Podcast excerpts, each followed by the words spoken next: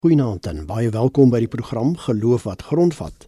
In die programreeks gesels ons oor onderwerpe waaroor gewone lidmate in kerke onseker is en antwoorde soek en hoe dat 'n mens jou geloof prakties kan uitleef. Ek is Flip Loots en by my verwelkom ek vanaand vir professor Christina Landman. Sy is professor in teologie aan Unisa. Goeienaand Christina. Goeienaand Flip, goeienaand luisteraars. En ek verwelkom ook Tanya Pieterse, sy is 'n nagraadse doktorale student in sielkunde aan Unisa. Goeienaand ook aan jou Tanya. Goeienaand Flip en luisteraars. Jy as luisteraar kan gerus ook deelneem aan die program. Jy kan op die SMS nommer reageer. Dit is 45889. Elke SMS kos R1.50. Onthou ook net dat hierdie program nie aan jou as luisteraar voorskrifte gee van presies hoe om te lewe nie, maar riglyne waarbinne jy self keuses kan maak. RC stem ook nie noodwendig saam met die opinie van enige persoon wat aan die program deelneem nie. Volgens 'n onlangse opname deur die Universiteit van Johannesburg en die Raad vir Geesteswetenskaplike Navorsing, die RGN, sal 2/3 van Suid-Afrikaanse volwassenes beslis of waarskynlik 'n entstof teen die koronavirus neem. 15% was onseker en 18% het gesê hulle sal nie die inenting kry nie om een of ander rede. En daar is verskeie redes daarvoor vir die onsekerheid onder mense, onder andere vrae oor die inhoud van die enstof, asook die relatief kort tyd waarin dit ontwikkel is. Nou hoe nou gemaak, veral deur Christene in geloof wat grondvat gesels ons vanaand hieroor. Christina ter inleiding. In die lig van die groot herstelpersentasie van mense wat positief vir corona-19 getoets is, hoe ernstig moet ons die pandemie opvat? Flip ek sal my verstout om te sê dat die meeste kerke en ekumeniese liggame het aan hulle lidmate gekommunikeer dat hulle die pandemie ernstig moet opneem. Want jy weet dominees, pastore, kerkleiers Hulle staan in die voorste linie van hierdie pandemie want hulle moet hierdie mense begrawe, hierdie mense wat alleen dood is en waar jy nie ordentlike pastorale versorging kan gee aan die familie nie en ook nie aan die sterwendes nie. En dis hulle wat die omvang sien en daarom was kerke in 'n posisie waar hulle vir die mense kon sê: "Neem hierdie pandemie ernstig op hulle daarmee saam ook in die meeste van die stellings wat ek nou gesien het, het die kerke die mense ook aangemoedig om hulle bloot te stel aan die enstowwe en dat hulle na betroubare bronne oor die enstowwe moet luister en dan self 'n keuse daaroor neem omdat dit nie die kerk se werk is om wetenskaplike uitsprake te maak in hierdie verband nie. Kerke het ook en ek het my daaroor verbly kritiek uitgespreek daaroor dat die enstof so laat hier aangekom het in Suid-Afrika en dat mense nie gelyk behandel word in die beskikbaarstelling daarvan nie en ook dat mense hulle self daaruit verryk het. So ja, dis 'n ernstige pandemie en ek dink die kerke het hulle werklik goed gedra en verantwoordelik gedra gedurende hierdie tyd in die stellings wat hulle daaroor gemaak het. Tanya, jy het saam met Christina navorsing gedoen oor mense se reaksie op die virus en die enstof daarteenoor. Kan jy so 'n bietjie daarvan met ons deel asseblief? Ja, flip. Die reaksie op die enstof is taamlik uiteenlopend en as ons gedink het dat die virus en sy reaksie en die aanslag wat hy baie verdeeldheid gebring het, bring die enstof debat 'n hele nuwe dimensie. Wat ons opgemerk het is dat daar 'n klemverskywing is waar mense gevoel het die virus kan hulle dalk in 'n mate op 'n afstand hou, word dit nou baie meer persoonlik ervaar. Jy voel dit amper meer aan jou lyf. En van die reaksies uit verskeie bronne en platforms wat ons gekry het, is dat Ons bid tog tot God vir oplossings en kure van kanker, HIV, vigs ensovoorts. So wat maak die enstof nou anders? En die afgelope jaar ook bid ons om verligting van die ewel, dan kom daar 'n moontlike oplossing. So waarom vertrou ons hom dan nie nou nie vra die mense? En waarom glo ons dan nie dat hy ook wel in beheer daarvan is nie? Dan is daar ook die wat glo dat die bloed van Jesus hulle sal beskerm en daarom nie die enstof sal neem nie. In dieselfde gesprek is die opinies ook dat God jou juis sal beskerm al neem jy die enstof, net soos jy glo in enige ander medikasie. Dan het ons natuurlik verskeie gesprekke oor die samesweringsteorieë oor wat nou in die enstof is. Hoe weet ons wat is in enige enstof van die wat gebruik word vir griep tot chemoterapie? En miskien die mees algemeen is dat ons kinders almal ingeënt word teen pokke, polio, masels ensovoorts. By geboorte word hiervan reeds toegedien om jouself en ook om ander te beskerm en om ook 'n pandemie te voorkom. Hierop het julle dalk ook baie gelees oor die nuwe debat oor in vitro behandeling byvoorbeeld. Hulle sê nou hoe verskil dit van die behandeling teen die koronavirus? En die debatte wat gevoer word is hoe mense voortdurend in hulle geloofs-oortuigings spring tussen byvoorbeeld die twee toedienings. Wat maak die een meer aanvaarbaar en ander? Hoe weet ons dan werklik hoe dit ontwikkel word en wat dan nou daarin is? Ook opvallend uit baie gesprekke is dat dit jou plig is of soos baie daarna verwys as jou goddelike plig uit verskeie geloofs-oortuigings om jouself, jou mense en om ander te beskerm. Maar Christina, volgens julle navorsing, watter rol speel iemand se geloofs-oortuigings indien enigstens nou in die neem al dan nie van die enstof teen die koronavirus? Flip, ek moet net eers duidelik maak dat wanneer ons navorsing doen en ons vra mense oor hulle opinies, dat ons nie dit doen om uiteindelik te sê wie's reg en wie's verkeerd en wie klink nou maar 'n bietjie stupid nie ons gee gewoon die menings wat mense lig deur sonder om dit te medieer. Die Engelse woord is unmediated. Ons gee net hulle menings deur, ons sorteer dit net onder temas. Ons kyk nie wat is die onderliggende agendas waarom mense dit sê nie. So ons gee dit net so deur sodat teoloë of wie ook al sosioloë dit kan vat en dan miskien verder navorsing daaroor kon doen.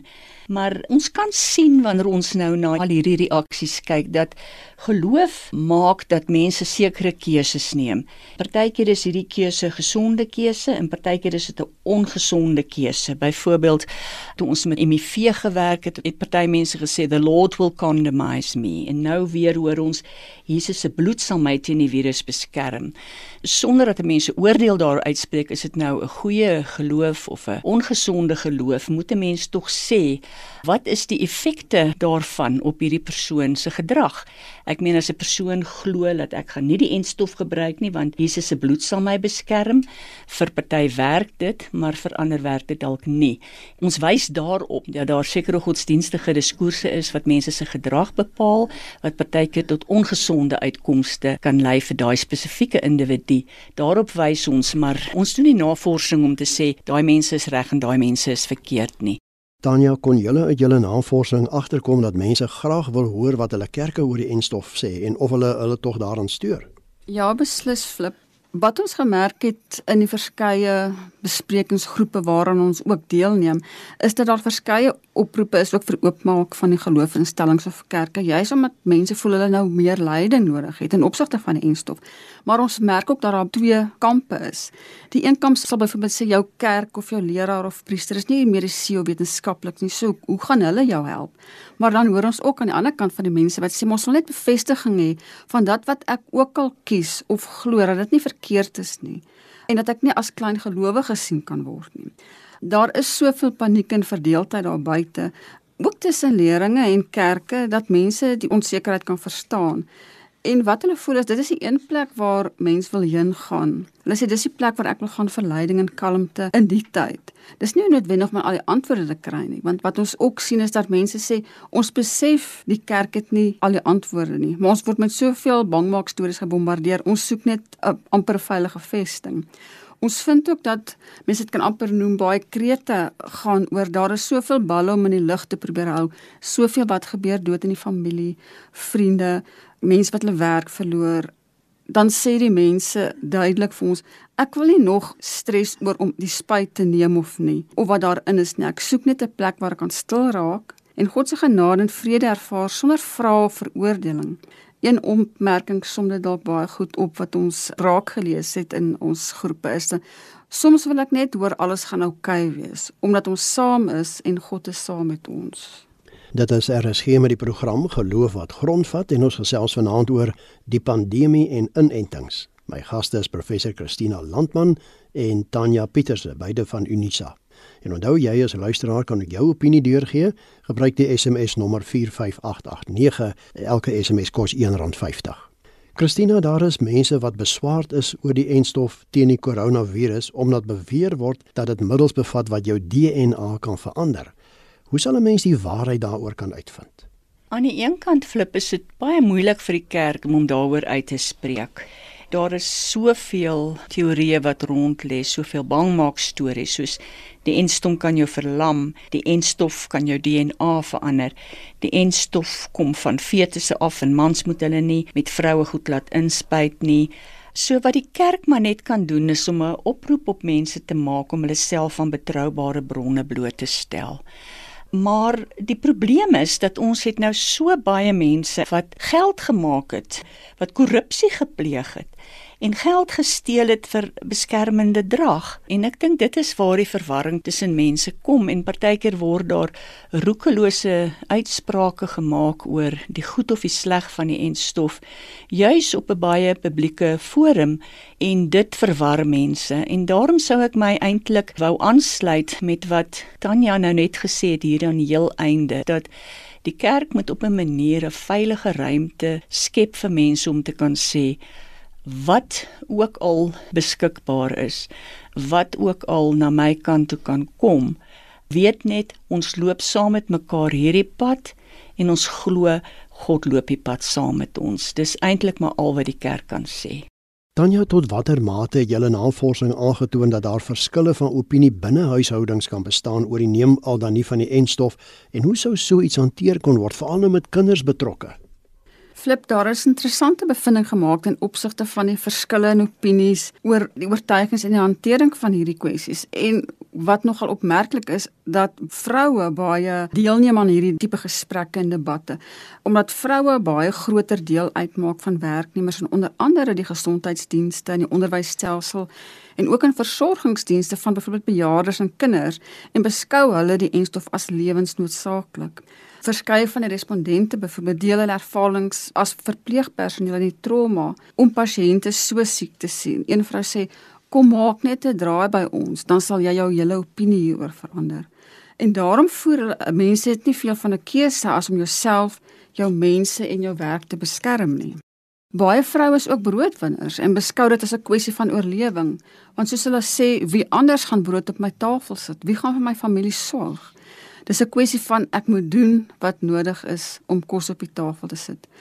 En dan vrouens, veral ma's, sê dat hulle eintlik altyd maar die persoon is wat verantwoordelik is vir die gesin en vir al die kinders se gesondheid. Dit is sy wat met geboorte by is tydens eerste inenting. Daarna is sy ook verantwoordelik dat elkeen van hierdie inentings afsprake nagekom word en voel hulle dat met die virus ook dat baie verantwoordelikheid op die vrouens se skouers rus en lees ons ook hoe vas hulle in hulle geloof staan. Soos baie met ons gedeel het dat wat ek ook al besluit God is saam met my. Ek moes al erger deurmaak en hy was altyd daar.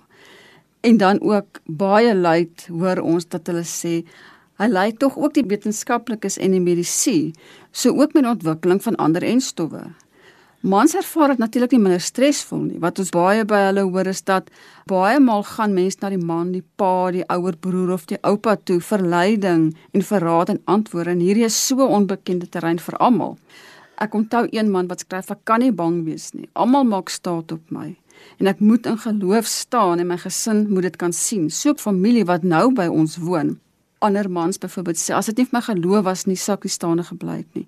Eers was dit vra oor die virus, nou vra selfs die kinders vir my wat is hierdie enstof? Wat is daarin? En wat is al die negatiewe stories wat ons daaroor hoor? Dan moet jy maar probeer staat maak sê hulle op die leringe wat jy gekry het oor geloof en oor God se alomteenwoordigheid juis in onseker tye. Christina, daar's baie mense wat meen dat ons geen keuse het nie, maar ons moet die enstof neem. Hoe korrek is dit? Het ek en jy dan nie 'n keuse nie? Wel in die gereformeerde tradisie en eintlik in die breëre Christelike tradisie glo ons natuurlik aan die vrye wil en dat ons nie net 'n vrye wil het nie, maar dan ook verantwoordelikheid vir ons keuses moet neem. Maar ek dink ons het ook die reg op korrekte en genoeg inligting om 'n keuse te kan maak. As kind is ek ingeënt teen masels en pokke en nog veel ander siektes. Ek het my kind daarteen laat inent. Dit was gratis by 'n kliniek beskikbaar en jy was en is volgens wet verplig om dit te doen. Waar het nou die verandering gekom? Ek dink dit het maar te doen met sosiale media waar mense hulle kan uitspreek en ek amper enigiets kan sê sonder om verantwoordelikheid daarvoor te vat. Baie goed is maar net argumentatief. Dit is dan veral mense het ons ook gevind wat nie regtig kontak met die siekte het nie, wat nie regtig deur daai trauma van mense verloor gegaan het nie, wat dan met teorieë kom wat eintlik glad nie ter sake is nie. So dit is nou baie moeilike ding vir die kerk om nou in hierdie tye pastorale leiding te gee oor 'n saak waaroor hulle wetenskaplik nie uitspraak kan gee nie. Dit is RSG met die program Geloof wat grondvat en ons gesels vanaand oor die pandemie en inentings. My gaste is professor Christina Landman en Tanya Pieterse, beide van Unisa en ek is Flip Loots. Tanya, wat was van die hoofbesware volgens julle navorsing van mense teen die enstof? Flip interessant ook wat hierdie dinamiese nuwe tyd bevestig waar ons leef is dat daar verskeie kampe is en dat daar 'n paar teenpole is.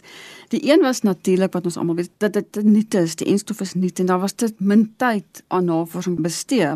Maar ons besef ook soos wat ander mense sê dat ons weet ook dat die wetenskap baie vinnig ontwikkel en dat staat gemaak moet word op bestaande kennis oor ander koronavirusse en dat ons maar die beste moet doen wat ons tot ons beskikking het.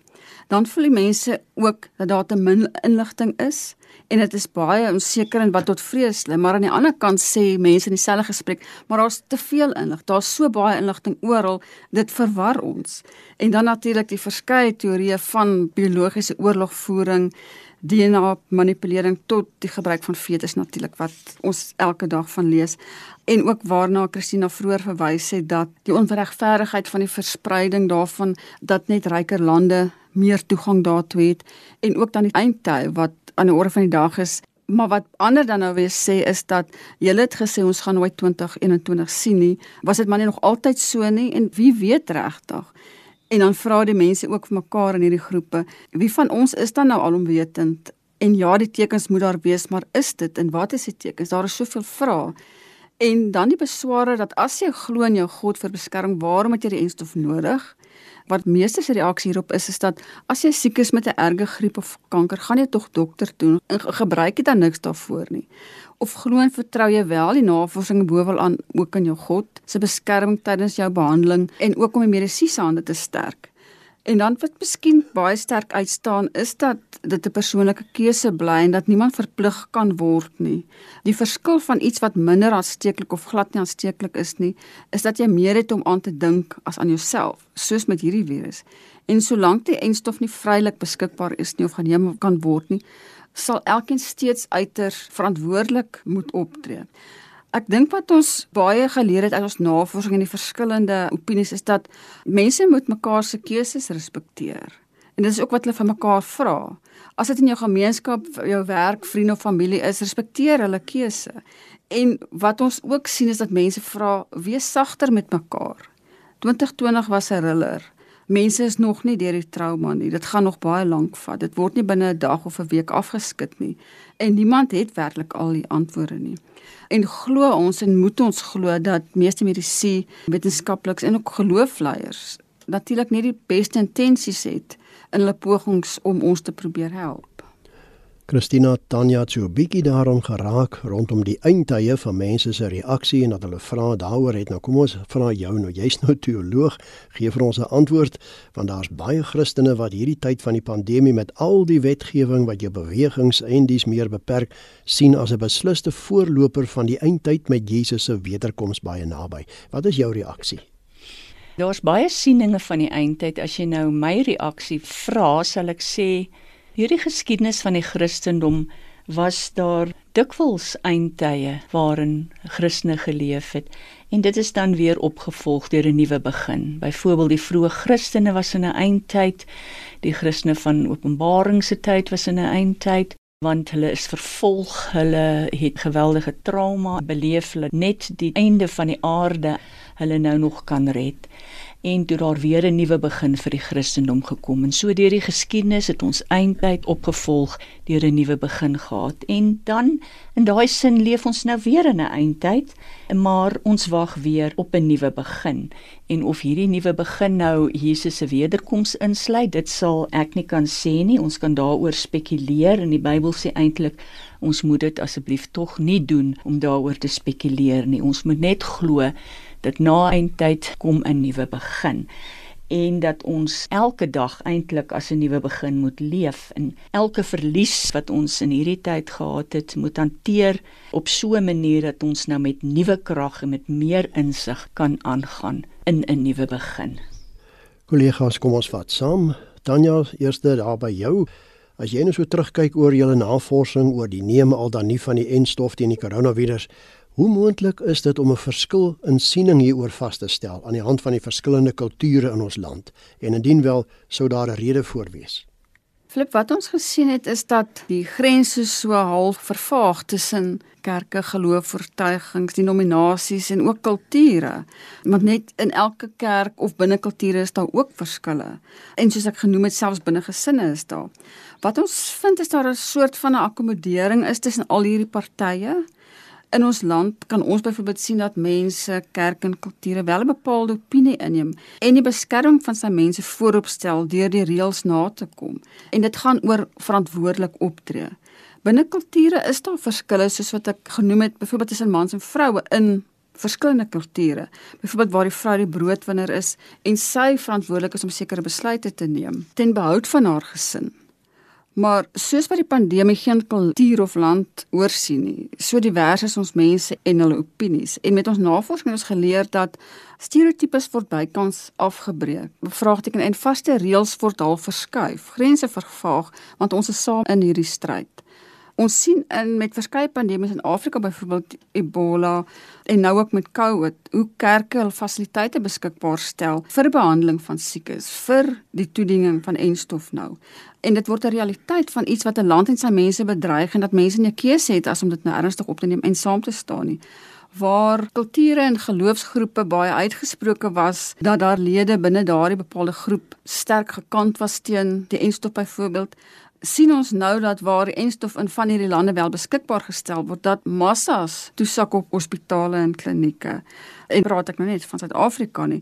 Wat mens wys dat dit gaan oor grense heen, dit gaan oor kulture heen. Hierdie is iets wat ons almal bedreig en dit blyk asof hoe meer nigter en kalmer ons daaroor begin dink dat mense half begin besef dat vir my behoud of vir ons behoud moet ons gryp na wat daar nou beskikbaar is. Christina, die laaste woord is joune. Christene behoort 'n voorbeeld te stel teenoor die res van die wêreld oor hoe dat ons ons geloof uitleef. Hoe kan dit gebeur by die neem al dan nie van die enstof teen die koronavirus?